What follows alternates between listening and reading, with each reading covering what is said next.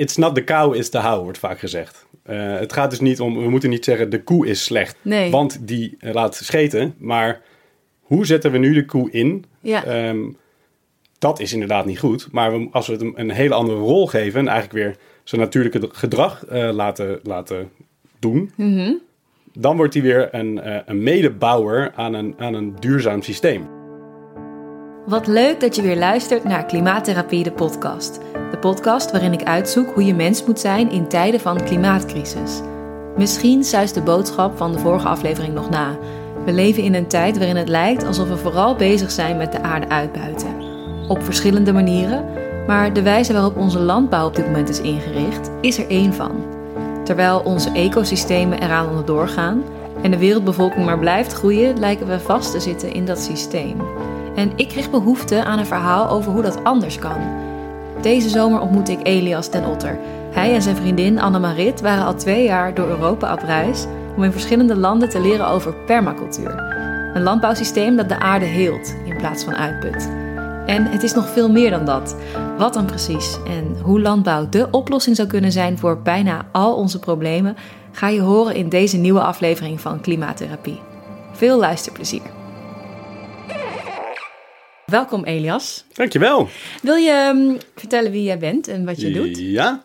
Um, wie ik ben vind ik altijd heel lastig op momenten te beantwoorden. Want we zitten in een soort van tussenfase. Dus we zijn aan het reizen. Maar ja, de reizen is in coronatijd niet echt reizen. Mm -hmm. uh, we zijn officieel in opleiding tot biologisch boer in Denemarken.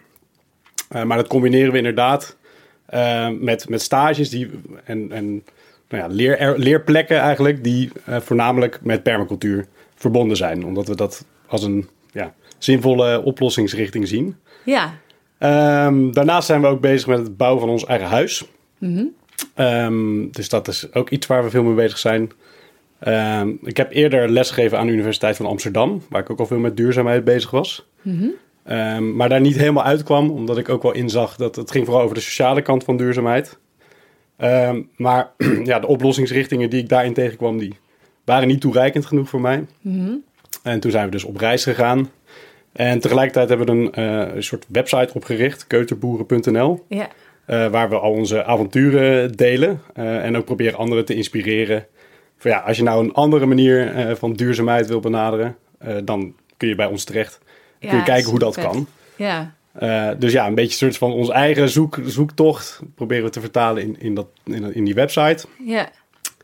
En daarmee uh, hopen we ook andere mensen aan te zetten om, om datzelfde pad een beetje in te gaan. Ja, cool. Ja, want ik vond, we hebben elkaar ontmoet een paar maanden geleden op een verjaardag eigenlijk. En dat verhaal wat je toen vertelde over keuterboeren en over wat jij doet met permacultuur was zo inspirerend voor mij.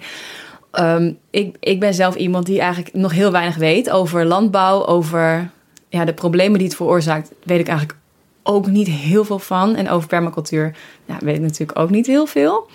En um, uh, ja, in, in zeg maar de voorbereiding naar dit, dit gesprek over permacultuur, om, omdat ik dus van jou leerde dat het een oplossing kan zijn, uh, kwam ik dus die quote tegen, volgens mij zelfs op jullie site, van Hmm. if agriculture is one of our biggest problems, it can be one of our solutions. Ja, Dus het lijkt me heel tof om daar het over te hebben. Um, en, en eigenlijk is voor mij nog tweeledig het nog onduidelijk waarom het... Nou, ik weet wel een beetje waarom het onze... Wat, er, wat inmiddels wel in de dagen hieraan vooraf... is wel duidelijk geworden wat, onze, wat de problemen dan zijn. Maar zou je, zou je ons hier meer over kunnen vertellen? Dus Ja. waarom, wat dan zowel de problemen zijn? en dan ook al een beetje over de oplossing. Ja, wie eh, weet. Ja, St- stap voor stap Stap voor stap, ja. Ik Het is nogal een verhaal. Ja. Maar eh, wat, wat ik zie als het grootste probleem eigenlijk... is dat we de landbouw, maar misschien eigenlijk ons hele leven... eh, erg reductionistisch bekijken. Dus we hebben alles opgedeeld in allerlei kleine onderdeeltjes. Ehm, en kijken eigenlijk niet meer naar het grote geheel en de effecten daarvan. Mhm.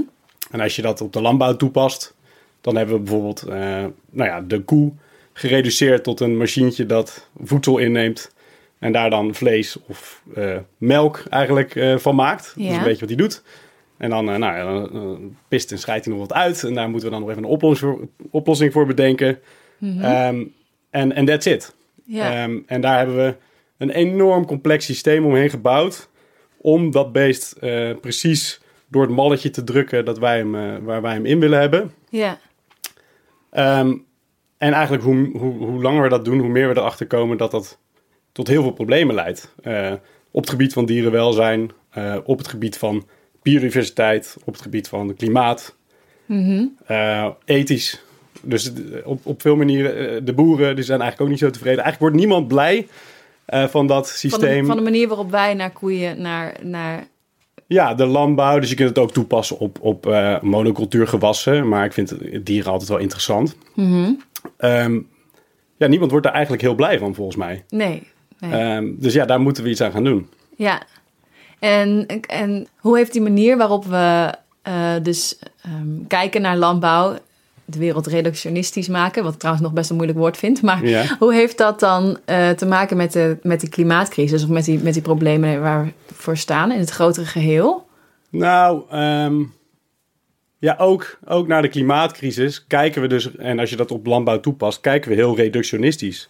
Dus we kijken naar, oké, wat kunnen we doen aan de CO2-uitstoot van de koe? Ja, is dat wat reductionistisch is? Kan je het nog één keer uitleggen wat reductionistisch is? Ja, dus het is eigenlijk een. een, een uh, we hebben uh, iets wat in principe ooit heel uh, simpel werkt en, in een ecosysteem. Dus dat, dat is een heel complex systeem. Mm -hmm. maar wij hebben dat eigenlijk opgeknipt geknipt in heel veel kleine onderdeeltjes. Ja. en als je dus onderzoek doet of als je nou ja, hoe we daar ook naar kijken, we kijken altijd naar een klein onderdeeltje daarvan en kijken eigenlijk nooit naar het geheel. Dus nooit op een holistische manier naar een systeem. Nee, dus ehm, nou ja, we, we kijken naar um, wat, wat voor CO2-uitstoot een beest produceert bijvoorbeeld. Mm hoeveel kilo voer erin moet om een bepaalde opbrengst te krijgen, ja. et cetera, et cetera. Uh, maar we kijken niet uh, naar wat zou dat beest in een natuurlijke omgeving kunnen doen uh, om uh, eigenlijk mee te helpen bouwen aan ecosystemen. Ja, hoe is het eigenlijk onderdeel van het geheel? Precies. Dat moeten we niet doen. Um, en het is eigenlijk wel... Want het zijn ze natuurlijk wel allemaal. Koeien zijn natuurlijk onderdeel van nature, Absoluut. van het heel systeem. Absoluut. En, en die zijn er al heel lang uh, geweest. Mm -hmm. En dat klinkt dan altijd een beetje alsof ik heel traditioneel ben. Weet je wel, van, nou mm -hmm. dat is er al heel lang, dus dat is goed. En dat is helemaal niet zo. Maar die beesten zijn geco-evolueerd met de wereld, met met de natuur zou je kunnen zeggen. En hebben mhm. daar uh, heel lang een soort van balans in gehouden. Ja. Dus die beesten waren in balans met wat ze konden eten, uh, wat ze nou ja, produceerden, et cetera. Ja. En uh, wij hebben dat systeem opgeknipt, waardoor die balans gewoon helemaal zoek is. Oh ja, ja. waardoor nu meer uitstoot is dan dat de koeien ook functioneel zijn uh, voor bijvoorbeeld het getrappel van hun voetjes in, de, in het gras. Wat exact. dan weer voor uh, ja, andere processen zorgt die goed zijn voor de Ja, exact. Dus het is, het is alleen nog maar een product. En het is ja. niet meer een wezenlijk onderdeel van een ecosysteem dat ja. we ook kunnen gebruiken. Zeg maar, het is it's not the cow, it's the how, wordt vaak gezegd. Uh, het gaat dus niet om, we moeten niet zeggen de koe is slecht. Nee. Want die laat scheten. Uh -huh. um, maar hoe zetten we nu de koe in? Ja. Um, dat is inderdaad niet goed. Maar we, als we het een, een hele andere rol geven en eigenlijk weer zijn natuurlijke gedrag uh, laten, laten doen, mm -hmm. dan wordt hij weer een, uh, een medebouwer aan een, aan een duurzaam systeem. Ja, dus de manier waarop wij dit hebben ingericht is eigenlijk kwalijk. Niet zozeer de, koe, de, de koeien zelf of de hoeveelheid koeien. Precies. Ja, ja, alright. En is dat ook waar permacultuur dan om de hoek komt kijken? Ja, zeker. Dus dat is een heel belangrijk onderdeel van permacultuur. Mm -hmm. um, dat je dus um, eigenlijk een, een zeg maar de definitie van permacultuur zou je kunnen zeggen is um, een natuurlijk ecosysteem nabootsen uh, en daar zoveel mogelijk eigenlijk uithalen. Hoe dus, bedoel je nabootsen? Nou, je gaat eigenlijk. Ga je, wat... eerst, ga je het eerst net alsof doen? Eerst maken voordat het. Want uiteindelijk is het toch een. Ja, nou ja, het is wel. Het is dus een, een systeem waar ook een mens een enorm, enorm ingrijpt in de natuur, vaak. Dus ja. het is niet zozeer van. Uh, de natuur zijn vrije beloop laten. Nee, nee uh, we gaan oh, wel vaak ja. een soort van systeem bouwen waar uh, met veel kennis over hoe, hoe die ecosystemen werken, ga je bijvoorbeeld een voedselbos bouwen. Dat is een goed mm -hmm. voorbeeld daarvan. Uh, waar je zoveel mogelijk opbrengst probeert uit te halen. Oh ja. Maar wel door uh, zo min mogelijk input, dus zo min mogelijk energie van de mens, zo min mogelijk energie uh, van externe bronnen en zoveel mogelijk gebruik te maken van, van de energie die er is, gewoon zonne-energie oh ja. en, en, en, water. Dus het is eigenlijk gewoon proberen een, een natuurlijk ecosysteem te nabootsen waar, we, waar we met zo min mogelijk energie-input van onszelf uh, en zoveel mogelijk opbrengst van de natuur eigenlijk ehm, ja, eh, zo goed mogelijk opbrengst kunnen, kunnen Dus halen. eigenlijk super efficiënt. ja, juist. Ja, ja, Ja. het is enorm We efficiënt. zouden er dus meer over moeten weten, allemaal. Ja, zeker. Want hoe, dus oké, dus ik weet nu wat permacultuur is, maar hoe ziet het er dan concreet uit? Nou, eh, dat kan... Het hoe is, zien die plekken er bijvoorbeeld ja. uit waar jij geweest bent? Ik, voedselbos weet ik eigenlijk ook nog niet wat dat precies is. Ja, eh, nou, ik kan inderdaad wel een paar dingetjes uitlichten. Dus een, een voedselbos is, vind ik, een heel mooi voorbeeld. Het, eh, permacultuur is veel meer dan dat, maar het is een goed voorbeeld. Eh, je moet niet denken aan een klassiek bos waar alles volgroeid is. Eh, want daar is vaak niet zo heel veel opbrengst. Nee. Er komt niet zoveel eten vanaf. Mhm. Ehm, maar eigenlijk, je probeert zoveel mogelijk lagen toe te, aan te brengen. Ja. Ehm, dus stel je voor, je hebt Hoogtelagen. hoogtelagen, ja. Dus, eh, en, en dus diversiteit aan lagen. Dus wat wij nu doen is bijvoorbeeld mais. Eén laag, precies hetzelfde product. Ja, Ehm, monocultuur. Monocultuur, dan gooien we er heel veel eh, spul op om, om dat te laten groeien. Mhm. En dat gebeurt allemaal op één laag. Ehm, en ehm, het heeft ge- verder geen functie behalve het pro- produceren van de kilocalorieën die in de mais zit. Ja, precies. Dat is het Ehm, meest efficiënte, toch? Of, eh, Dat lijkt mais heel is toch efficiënt. Een, eh, ja. ja, het is het. eh, het is toch de- een product wat heel veel calorieën per vierkante vier, kilometer Ja, precies. oplevert? Dus per hectare brengt dat nu een soort van de benchmark van dat levert het meeste kilocalorieën op per hectare wat we kunnen produceren. In de gangbare landbouw.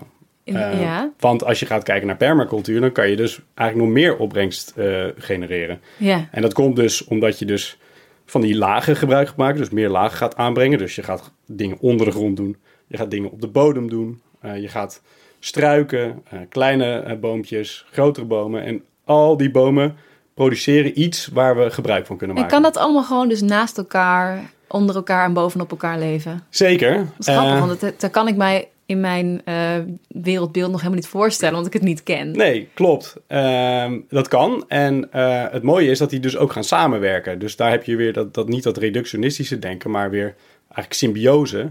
Dus, Wat eh, symbiose voor, de, ehm, voor mijzelf vooral. Ik wil zeggen voor de luisteraar die het niet kent.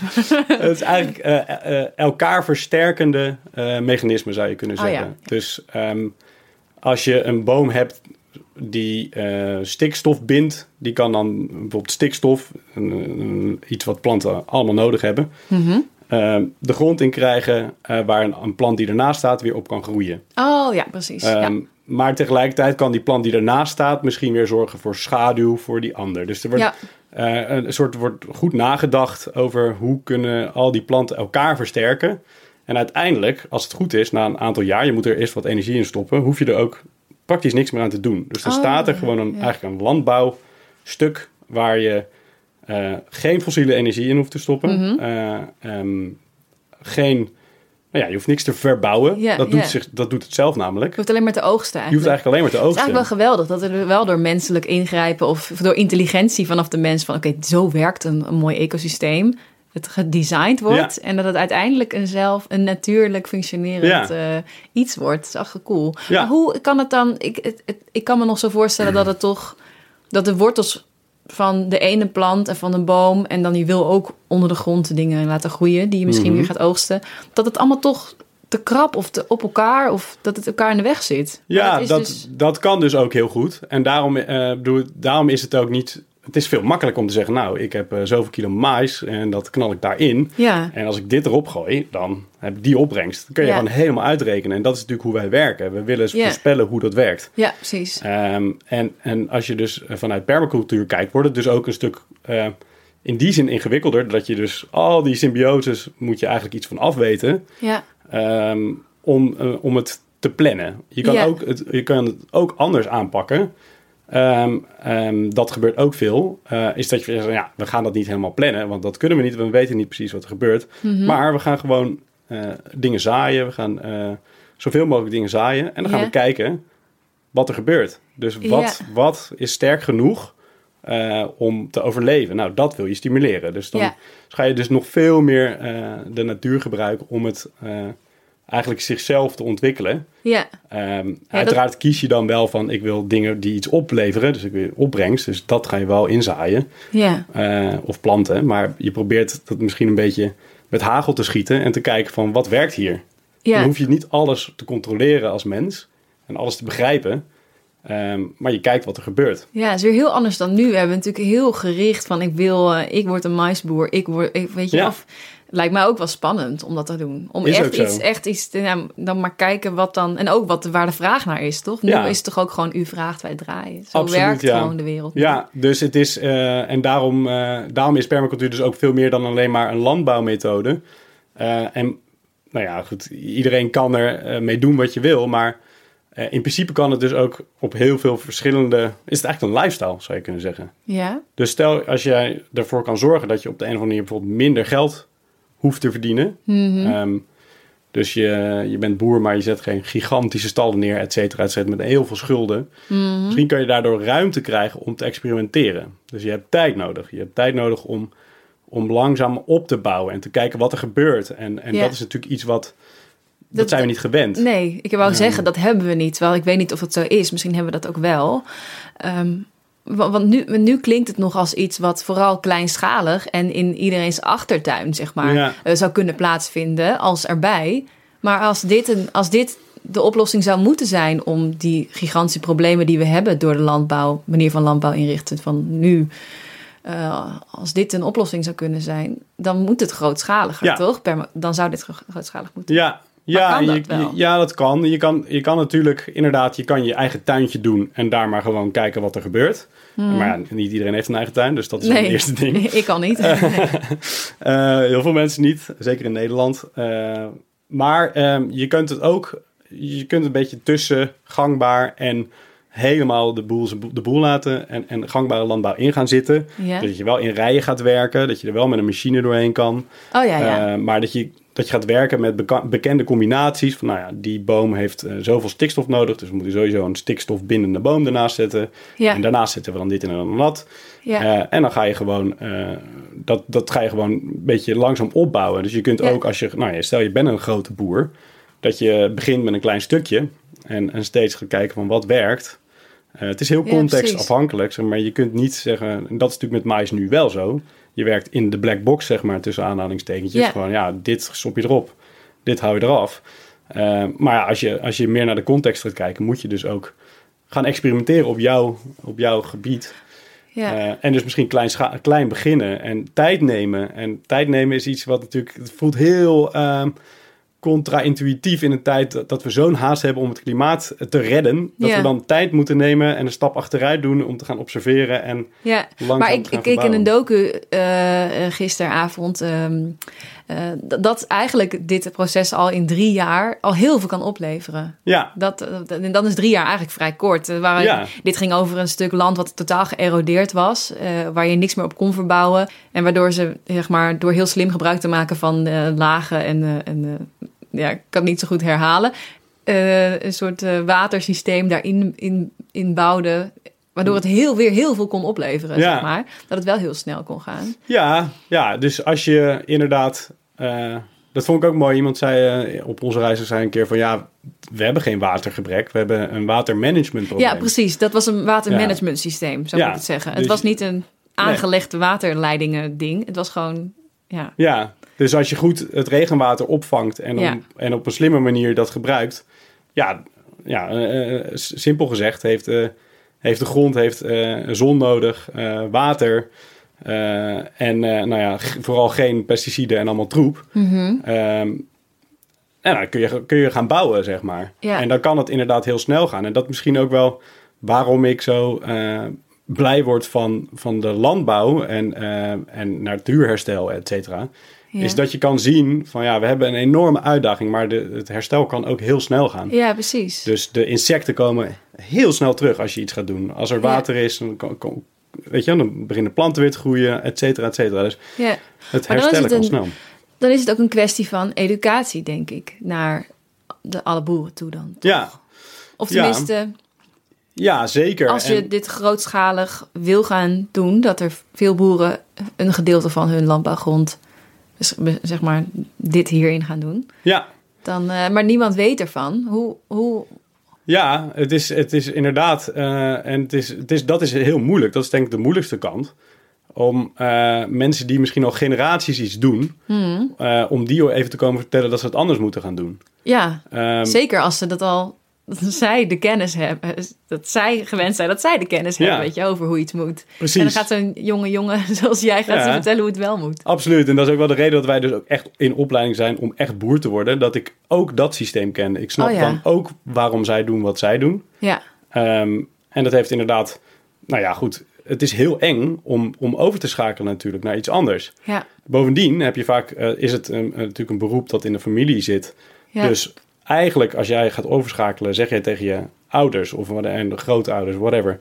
Jullie hebben het niet goed gedaan, jullie hebben het eigenlijk verkloot. Nou, dat wil je natuurlijk eigenlijk niet zeggen. nee. Ehm, dus het is nog meer dan eh, dit zijn de feitjes en zo moet je het doen. Is het een proces van eh, een soort van ja, eh, systeem systeem reset. veranderen, ja. Ja, zo van je moet totaal anders gaan kijken. Ja. Ehm, en ook de, de rol als mens in dat systeem anders gaan zien. Ja, En dat is, eh, dat is nog een hele uitdaging. En ik merk zelfs als ik nu, bedoel, nu kan ik er zo over vertellen, maar als ik bij een boer sta die zegt van ja, maar dat werkt helemaal niet. Ja, dan, is, dan moet je van goede huizen komen Ja. om, om dan toch door te zetten. moet je echt verleren hoe je dat verbaal moet gaan kunnen onderbouwen en Ja. iemand overtuigen. Ja, en ik denk wat het beste werkt, en daarom, dat is een andere reden waarom wij nu echt in de opleiding zijn, is je moet het gewoon laten zien. Dus Mhm. je kunt erover vertellen, maar een boer moet kunnen langskomen en kunnen zien, hey, Dit werkt. dit werkt. Ja. En kijk eens, dit, dit is de opbrengst, dit hebben we verdiend. Ja. Ehm, En zijn er al go. veel, veel voorbeelden in Nederland, eh, ook in Nederland, over Ja. dat, het, dat het werkt? ik moet wel zeggen dat ik inderdaad vind dat in Nederland er relatief eh, te weinig zijn. Dus Mhm. daarom waren wij veel in Portugal en eh, Spanje bijvoorbeeld. Om te leren. Ja, daar heeft, heeft de klimaatcrisis natuurlijk eigenlijk eh 20, 30 jaar voorsprong. Dus daar zijn boeren ook vaak eerder wakker geschud van... hé, hey, Ja. ik heb geen water meer, ik moet veranderen. Ja. En dat is hier nog, weet je wat, het gras is nog steeds groen. ja, hier merk je natuurlijk nog in die zin nog te weinig van. Ja. Terwijl het eh, natuurlijk wel voor de deur staat. Precies, en de, elke boer weet dat hij eh, de afgelopen 60 jaar elk jaar meer troep op zijn land moet gooien om dezelfde opbrengst te houden eh, als, Ja. als voorheen. En er is, eh, er is een prachtig proefschrift van eh Meino Smit. Die eh, heeft uitgerekend dat we nu zes keer zoveel energie eh, in de landbouw moeten stoppen als in 1950, zeg maar voor de Groene Revolutie. Ja. Eh, dus je krijgt zes keer zo weinig terug voor de energie die je erin stopt. Als je alle energie berekent die er nodig is om de landbouw draaiend te houden. Maar, in de, maar tegelijkertijd zijn we wel natuurlijk, want dat is ook de, het, wat ik me afvraag, hoe de wereldbevolking groeit natuurlijk wel enorm. En we hebben juist wel sinds 1950 het meer voor elkaar tot nu om eh, alle mensen te voeden. Ja, Toch? De hongersnoden zijn niet meer zo eh, daar. ja ik, Of is dat niet waar? nou, Ik heb het idee dat de ehm, manier van landbouw zo super efficiënt eh, is geworden. ja, dat nou, we nu geen hongersnood meer hebben. Ja, nou, hij berekent dat we in al die jaren eh, per hectare 12% meer eh, zijn gaan produceren. Ja. Eh, Maar dan met meer energie dan. Maar, maar dan met zes keer zoveel energie. Dus Oh, dat zo, is ja. eigenlijk verwaarloosbaar. En dan heb je dus ook nog dat, je- dat we daar enorme tropische regenwouden voor moeten kappen. Dat we daar... Ja, dat we de aarde uit, uitbuiten Ja. zijn om dit te kunnen doen. Dat verhaal kennen we dus natuurlijk. dat moeten we niet meer Ja, doen. dat moeten we natuurlijk niet meer doen. En het is natuurlijk het is een verdelingsvraagstuk. Dus we hebben nu wel mensen die eh, veel meer vlees zijn gaan eten. En Mhm. daar eh, overgewicht en, en misschien heel veel maïsproducten die eigenlijk helemaal niet zo gezond zijn. Ja. Dus we hebben, we hebben veel mensen die eigenlijk niet gezond eten eh, en te veel. En we hebben ook nog steeds veel mensen die, die te weinig eten. En eigenlijk niemand eet echt gezond. Inclusief mezelf. Ik vind nog steeds dat ik ook een enorme stap kan maken. ja? Eh, ja, ja, ja. In, in, in echt voedingswaarde binnenkrijgen voedingswaarde, in, ja. in plaats van vullen. Ja, het is, het is mais, het is graan. Het zijn allemaal hele simpele eh, eh, dingen die we eten... waar heel weinig voedingsstoffen in zitten. Oh ja. Terwijl ja, als je zo'n complex ecosysteem bouwt... en je eet van allerlei pulvruchten, van allerlei noten... af en toe wat vlees, af en toe wat zuivel... dan heb, heb je een veel rijker dieet. Ja, Ehm, en ik vind het gewoon raar dat we een deel van de wereld... ja, eh, volstoppen met eten en, een, en, een, en dan produceren voor een ander deel van de wereld. En alles gaat de hele wereld over. ja. Eh, dat, dat is ook niet efficiënt. Nee, is dat eigenlijk, eigenlijk ook raar, ja. Dat, Dat raar. vooral vandaan komt. Ja, daardoor eten we nu... Eh, Maar eten we daardoor niet wat gevarieerder? Ik heb wel het idee dat we door globalisering va- varieerder eten dan vroeger. Mm. Elke avond AVG'tjes. Ja, maar dat is, ook al, dat is natuurlijk ook al de tijd van de... Zeg maar, het als je kijkt naar voor de industriële revolutie... Mhm. Ehm, en misschien nog eerder daarvoor, aten we gewoon veel gevarieerder dan, dan nu. Oh, toch? Ja, ja, ja. Het is gewoon, eh, de bulk is gewoon eh, graan, mais. eh, en, en, en dat is gewoon, ja, dat is eigenlijk gewoon heel voedingsarm Ja. eten. Ja. Dus, dus die permacultuur zou ons ook heel veel kunnen leren over wat echt voedzaam is. ja, ja, ja, Dus absoluut. Dat is nog een reden eigenlijk om dat meer ja. te... Ja, en dus ook een, eh, een democratisering van, van, van voeding. Eh, dus ehm, ja, we zeggen wel, eh, we moeten de wereld voeden. Maar ja, waarom eigenlijk? Wie, we moeten vooral onszelf voeden. En anderen moeten ook hun eigen gemeenschap voeden. Dus nu met we bedoel je nu gewoon even Nederlanders? Of ja, het is in? Nederland zeker. Zeg maar, we hebben natuurlijk, eh, zeker in Wageningen, eh Louise Vesco, eh, die heeft een boek over geschreven. Ha- ik geloof, het heet ook zoiets van, hoe voeden we de wereld? Ja, Ehm, ja, ik vind het een hele verkeerde vraag. Die voeden zich altijd al. Ehm, en eh, ja, we gaan naar 10 miljard eh, mensen. We zijn nu met 7, maar we gooien nog steeds een derde van het eten weg. ja, Dus in principe hebben we genoeg voedsel. ja. Ehm, het is geen gezond voedsel. En sommigen eten er te veel van en anderen te weinig. Uh-huh. Maar er is genoeg. Ehm, en we kunnen nog meer produceren. We kunnen in een voedselbos kan, eh, nou ja, als je dan mais hebt als die soort van de, de benchmark van kilocalorieën die je kunt produceren. Mhm. Eh, in een gezond voedselbos kun je 30% meer eh, calorieën eh, produceren dan op een maisakker. Mhm. En met veel meer voedingsstoffen. Ja, Dus- dus, het, dus het gaat niet om, we hebben daar geen plek voor. Het is de ruimte is er genoeg. Ja, Dus het is een krappe aardbol voor 10 miljard, maar het kan. En, ehm, en ik vind het gewoon, ja, het is een ethische, ethische vraag ook. Ik denk dat, dat het heel belangrijk is dat, dat gemeenschappen zichzelf voeden. Ja, Eh, je zag het na, laatst weer met, eh, met de Brexit, eh, met, die, met die vrachtwagens die Mhm. misschien niet naar Engeland kunnen. Het is, het is ooit gekomen uit het idee nooit meer honger. Daar Ja. is de groene revolutie voor, voor bedacht. Na oorlogen, van we moeten ervoor zorgen dat, dat we nooit meer honger hebben. Mhm. En als er een soort van disruptieve fase is, dus oorlog, nou ja, weet ik veel, droogte, regenval, dat we dan alsnog eten hebben. ja, Maar het antwoord om dan vervolgens eten over de hele wereld te gaan slepen en enorm complexe ketens te gaan, gaan bouwen, vind ik niet bevredigend. nee, nee. Ik vind het, eh, wij hebben eh, vijf maanden in coronatijd stage gelopen op een boerderij. Ik heb bijna niks gemerkt van corona. Oh, in nee. dat opzicht, want wij hadden altijd eten. Die was zelfvoorzienend, die Die was, boerderij. ja, die was, nou ja, we, het pleepapier kwam er niet, niet van de boom natuurlijk, maar Nee.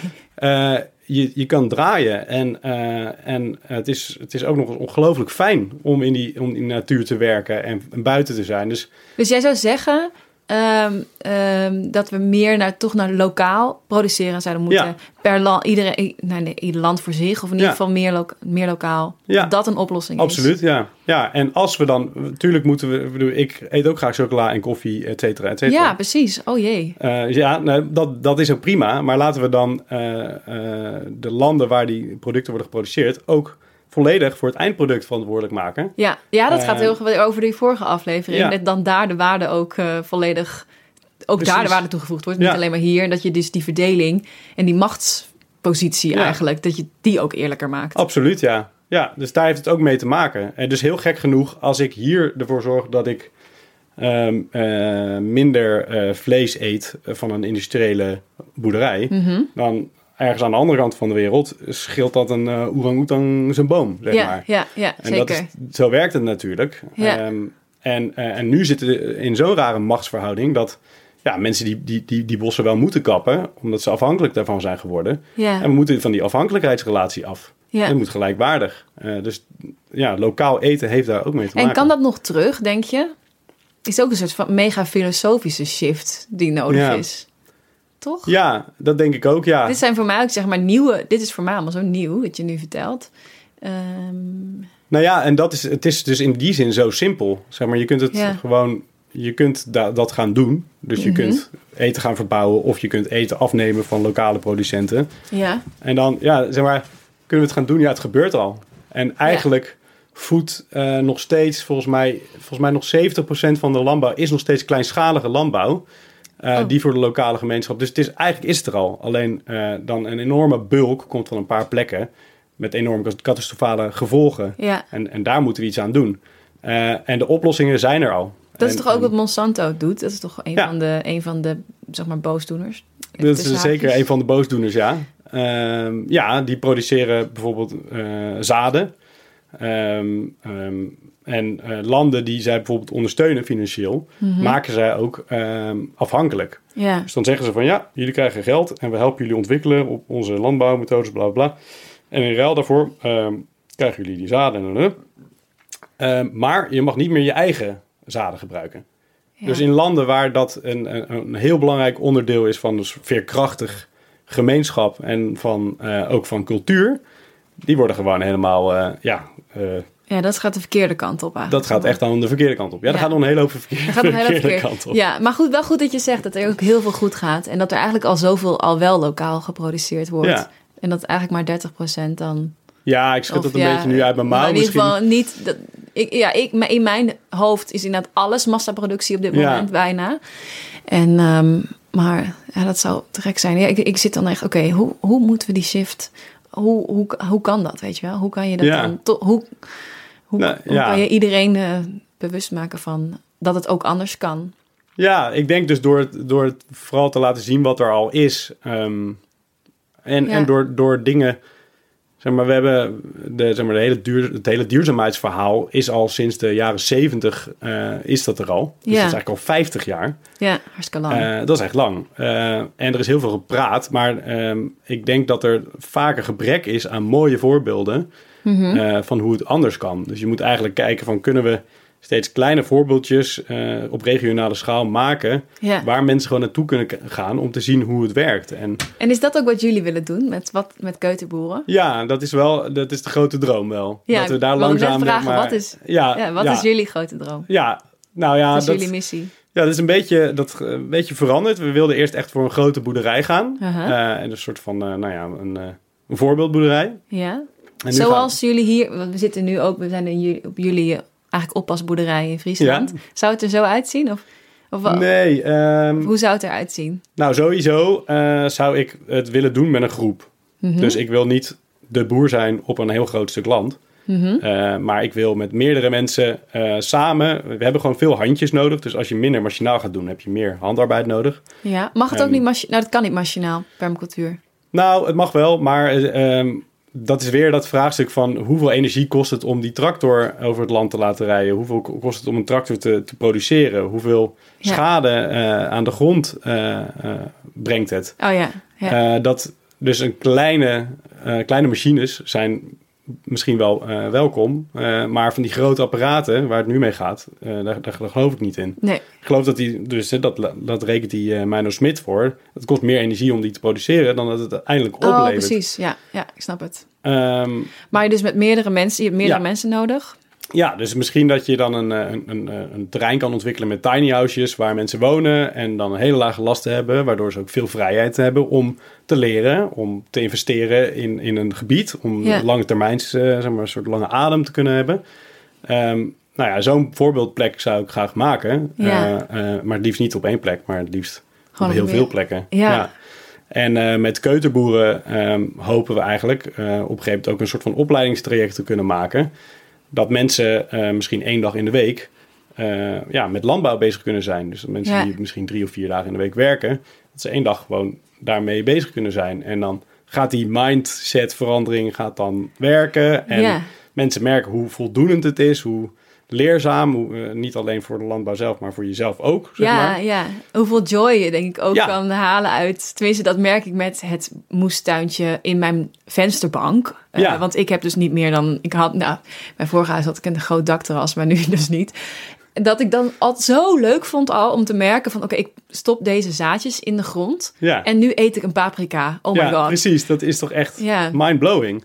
Ja, dat is inderdaad mindblowing. Dat, iets, dat je iets kan zien groeien. Ja, en, En met een de- beetje aandacht heb jij Ja, gewoon je eigen eten geproduceerd. En ik, ja, en ik sta daar heel ver van af eigenlijk, wat ik eet. Dat dat, ja, Ja. waar, want ik koop het gewoon in de supermarkt. en dat mag allemaal. ook, maar ja. En ik vond het ook heel leuk om dan te zien, ja, hoe die, die cycle van de natuur is. Ja, En, en Ja, daar dan ook letterlijk de vruchten van te plukken. ja. Maar, en ik denk dat het ook goed is, als je, één, als je één dag in de week dit kan doen. ja, Ehm, eh, naast je werk op je kantoor of Ja. achter je computerscherm of wat Ja. maar dan ook. Absoluut. Ehm, dat je meer onderdeel wordt van de natuur. Want we zijn natuurlijk gewoon de natuur Precies. ook. Dat is gewoon het hele punt. Ja. En, eh, en, en die relatie weer herontdekken is gewoon enorm inspirerend. ja, wel een goede manier eigenlijk. Ik denk Hele altijd aan, oké, want in mijn podcast ja, wil ik eigenlijk graag de vraag ook onderzoeken.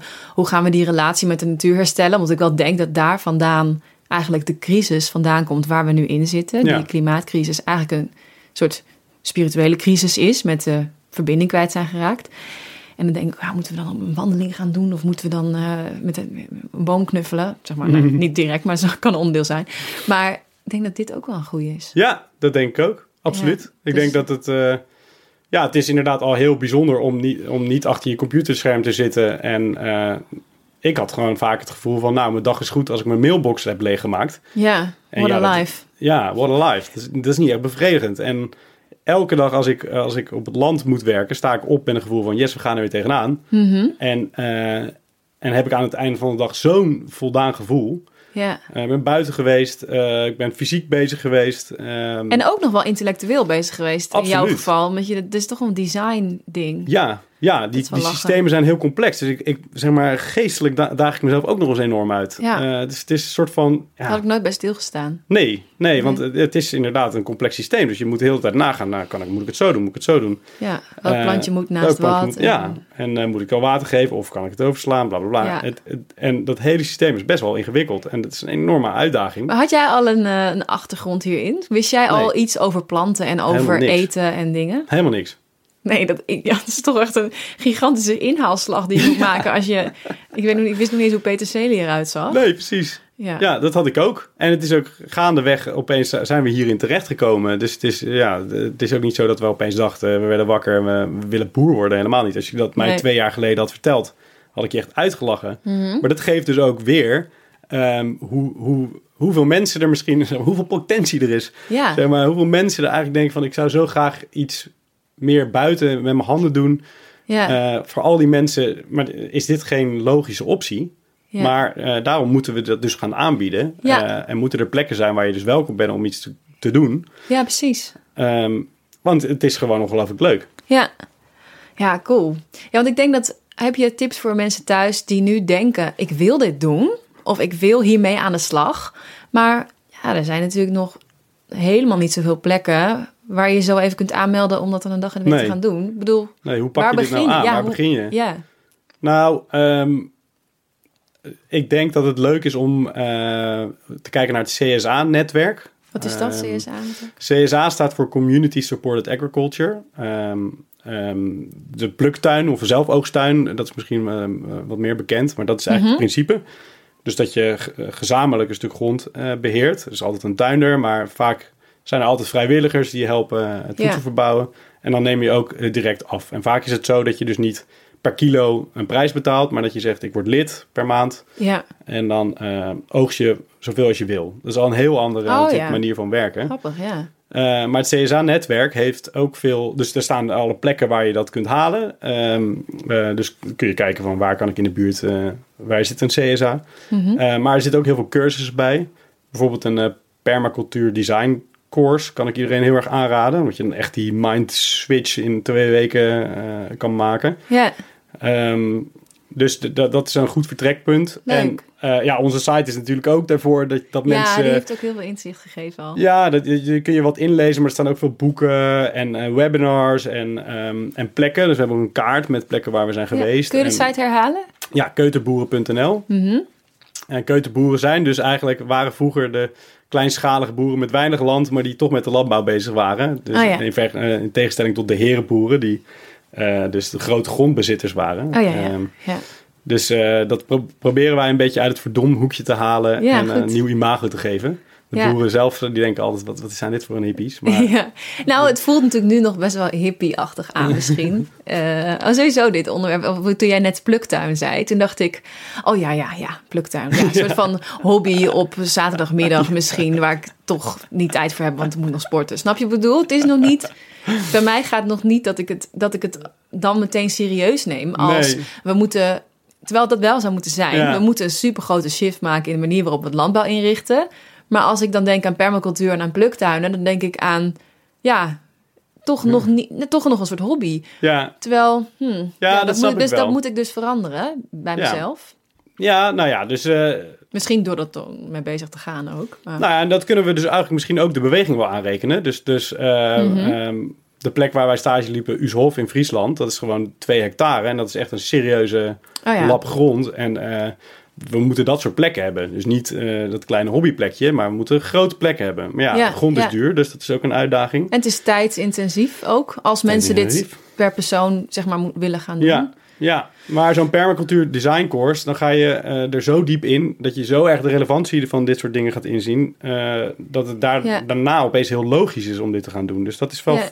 En kan de overheid hier ook nog iets in betekenen? Want eh, zeker. dat is natuurlijk de manier om, om, om dingen nationaal te gaan, of Ja. groot te gaan aanpakken, Ja. of niet? Ja, er gebeurt het een en ander. Dus bijvoorbeeld voor boeren eh, is er nu ehm, subsidie eh, beschikbaar om trainingen te doen, cursussen. Uh-huh. Dus dat is, vind, ik, vind ik heel goed. Ehm, maar ik denk vooral op het gebied van eh, grond beschikbaar maken. In Nederland is dat denk ik de grootste uitdaging. Ja? Eh, ja, want, Omdat nu elke vierkante centimeter een bestemming heeft. ja, en grond ongelooflijk duur is. Oh ja. Eh, en bestemmingen heel afgebakend zijn. Dus het is of natuur of landbouwgrond. Ehm, Mhm. Terwijl het juist permacultuur is vaak een combinatie. En het liefst Ja. dan ook nog met wonen. Dus dat zijn Ja, dus voor eh oh, dat zou zo'n mooie oplossing zijn. Als er meer mensen in de natuur zouden kunnen... Dat is eigenlijk wat iedereen wil. Tenminste, wat veel Ja. mensen in, eh, in Amsterdam... waar ik even over mezelf moet praten. Maar heel veel mensen horen... ik van ik zou meer in de natuur willen wonen. Precies. En, nou ja, win-win-win. Win-win, win-win. Ja, win-win-win-win. ja, en dat is, zeg maar, permacultuur gaat heel veel over function stacking. Dus meerdere functies geven aan, aan, aan één ding. Ja, Dus als je grond kan hebben waar je goedkoper kan wonen, eh, waar je je eigen groente kan verbouwen, waar je misschien water op kan vangen, waar je Ja. aan biodiversiteit kan werken.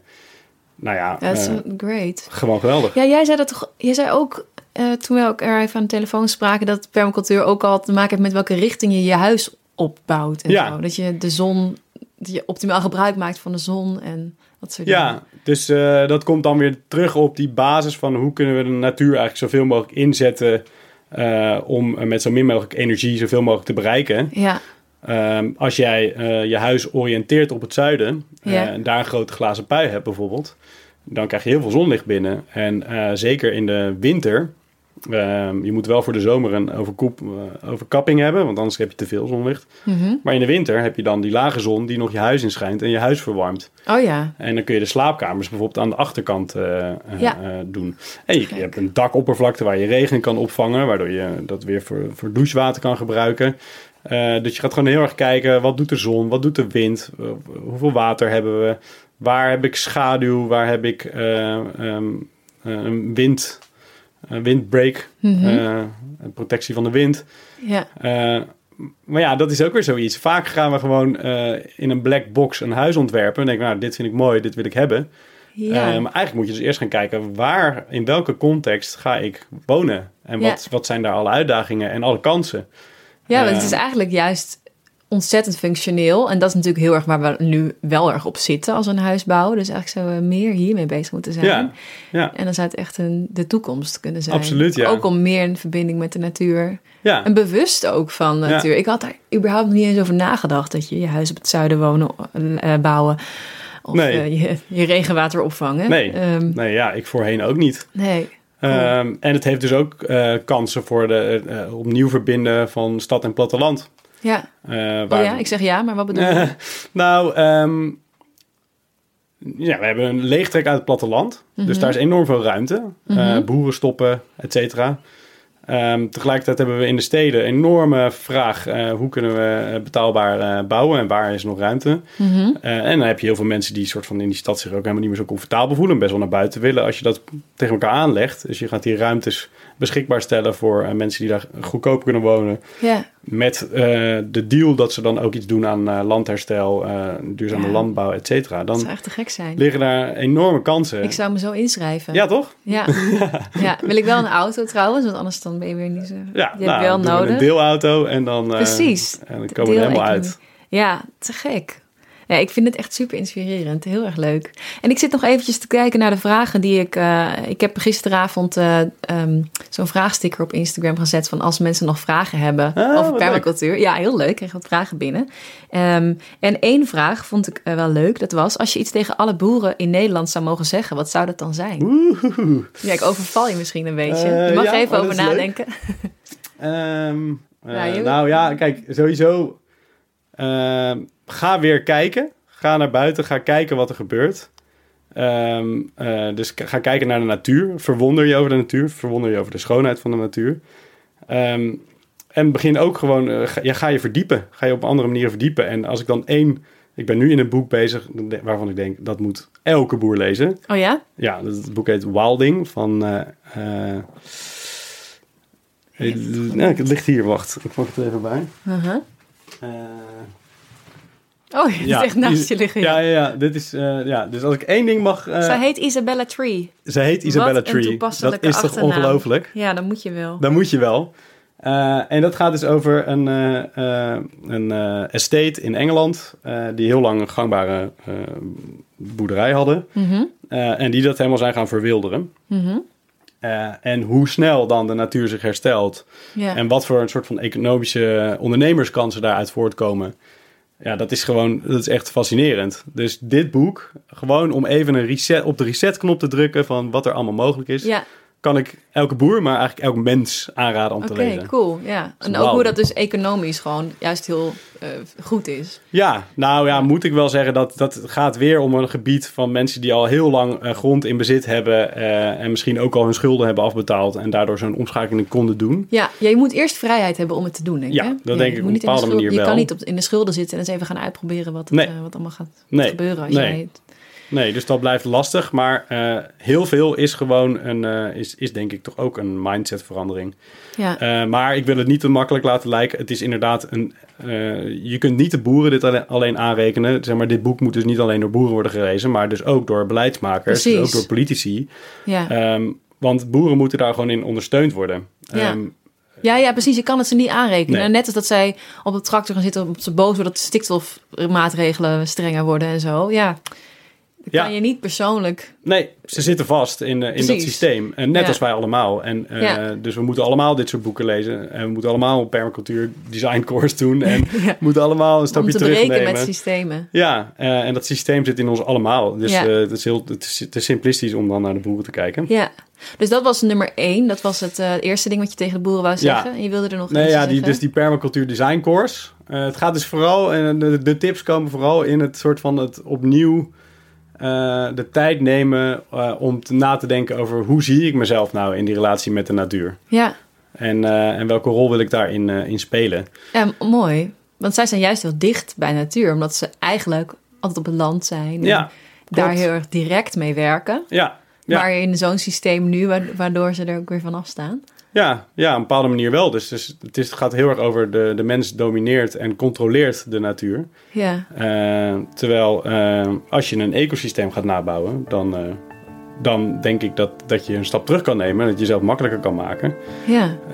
Een lange adem hebben. Dus Ja. dat wil ik ze ook... Een lange adem hebben, dat is ja, dan het derde. ja, neem de tijd als dat kan. Ja. Cool.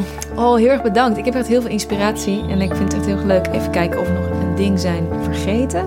Ik denk dat we al kunnen, af- dat we kunnen afronden. Ik vond het echt heel erg fijn om je met je te praten. Ja, en om zoveel eh, te leren. Ook gewoon de afgelopen dagen in ons voorgesprek. Ja, gewoon leuk. al. Ja, het is echt leuk. Een nieuwe invalshoek. ja, En zo belangrijk ook de landbouw. Daar heb ik het eigenlijk best wel lang overgeslagen.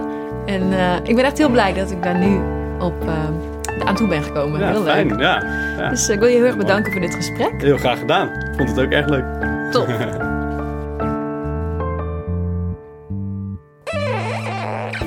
Dat was hem weer, de nieuwste aflevering van Klimaattherapie de podcast. Als je het gevoel hebt zelf meer met permacultuur te willen doen, dan kan je voor heel veel informatie gaan naar keutenboer.nl. Naar het vervolg van ons gesprek luisteren kan ook tegen een kleine donatie op petje.af. En daarmee sponsor je ook nog eens deze podcast. Dus dubbel zo leuk als je even een kijkje neemt op petje.af slash klimaattherapie de podcast. En je kan ons ook vinden op Instagram. Thanks voor het luisteren en tot de volgende keer.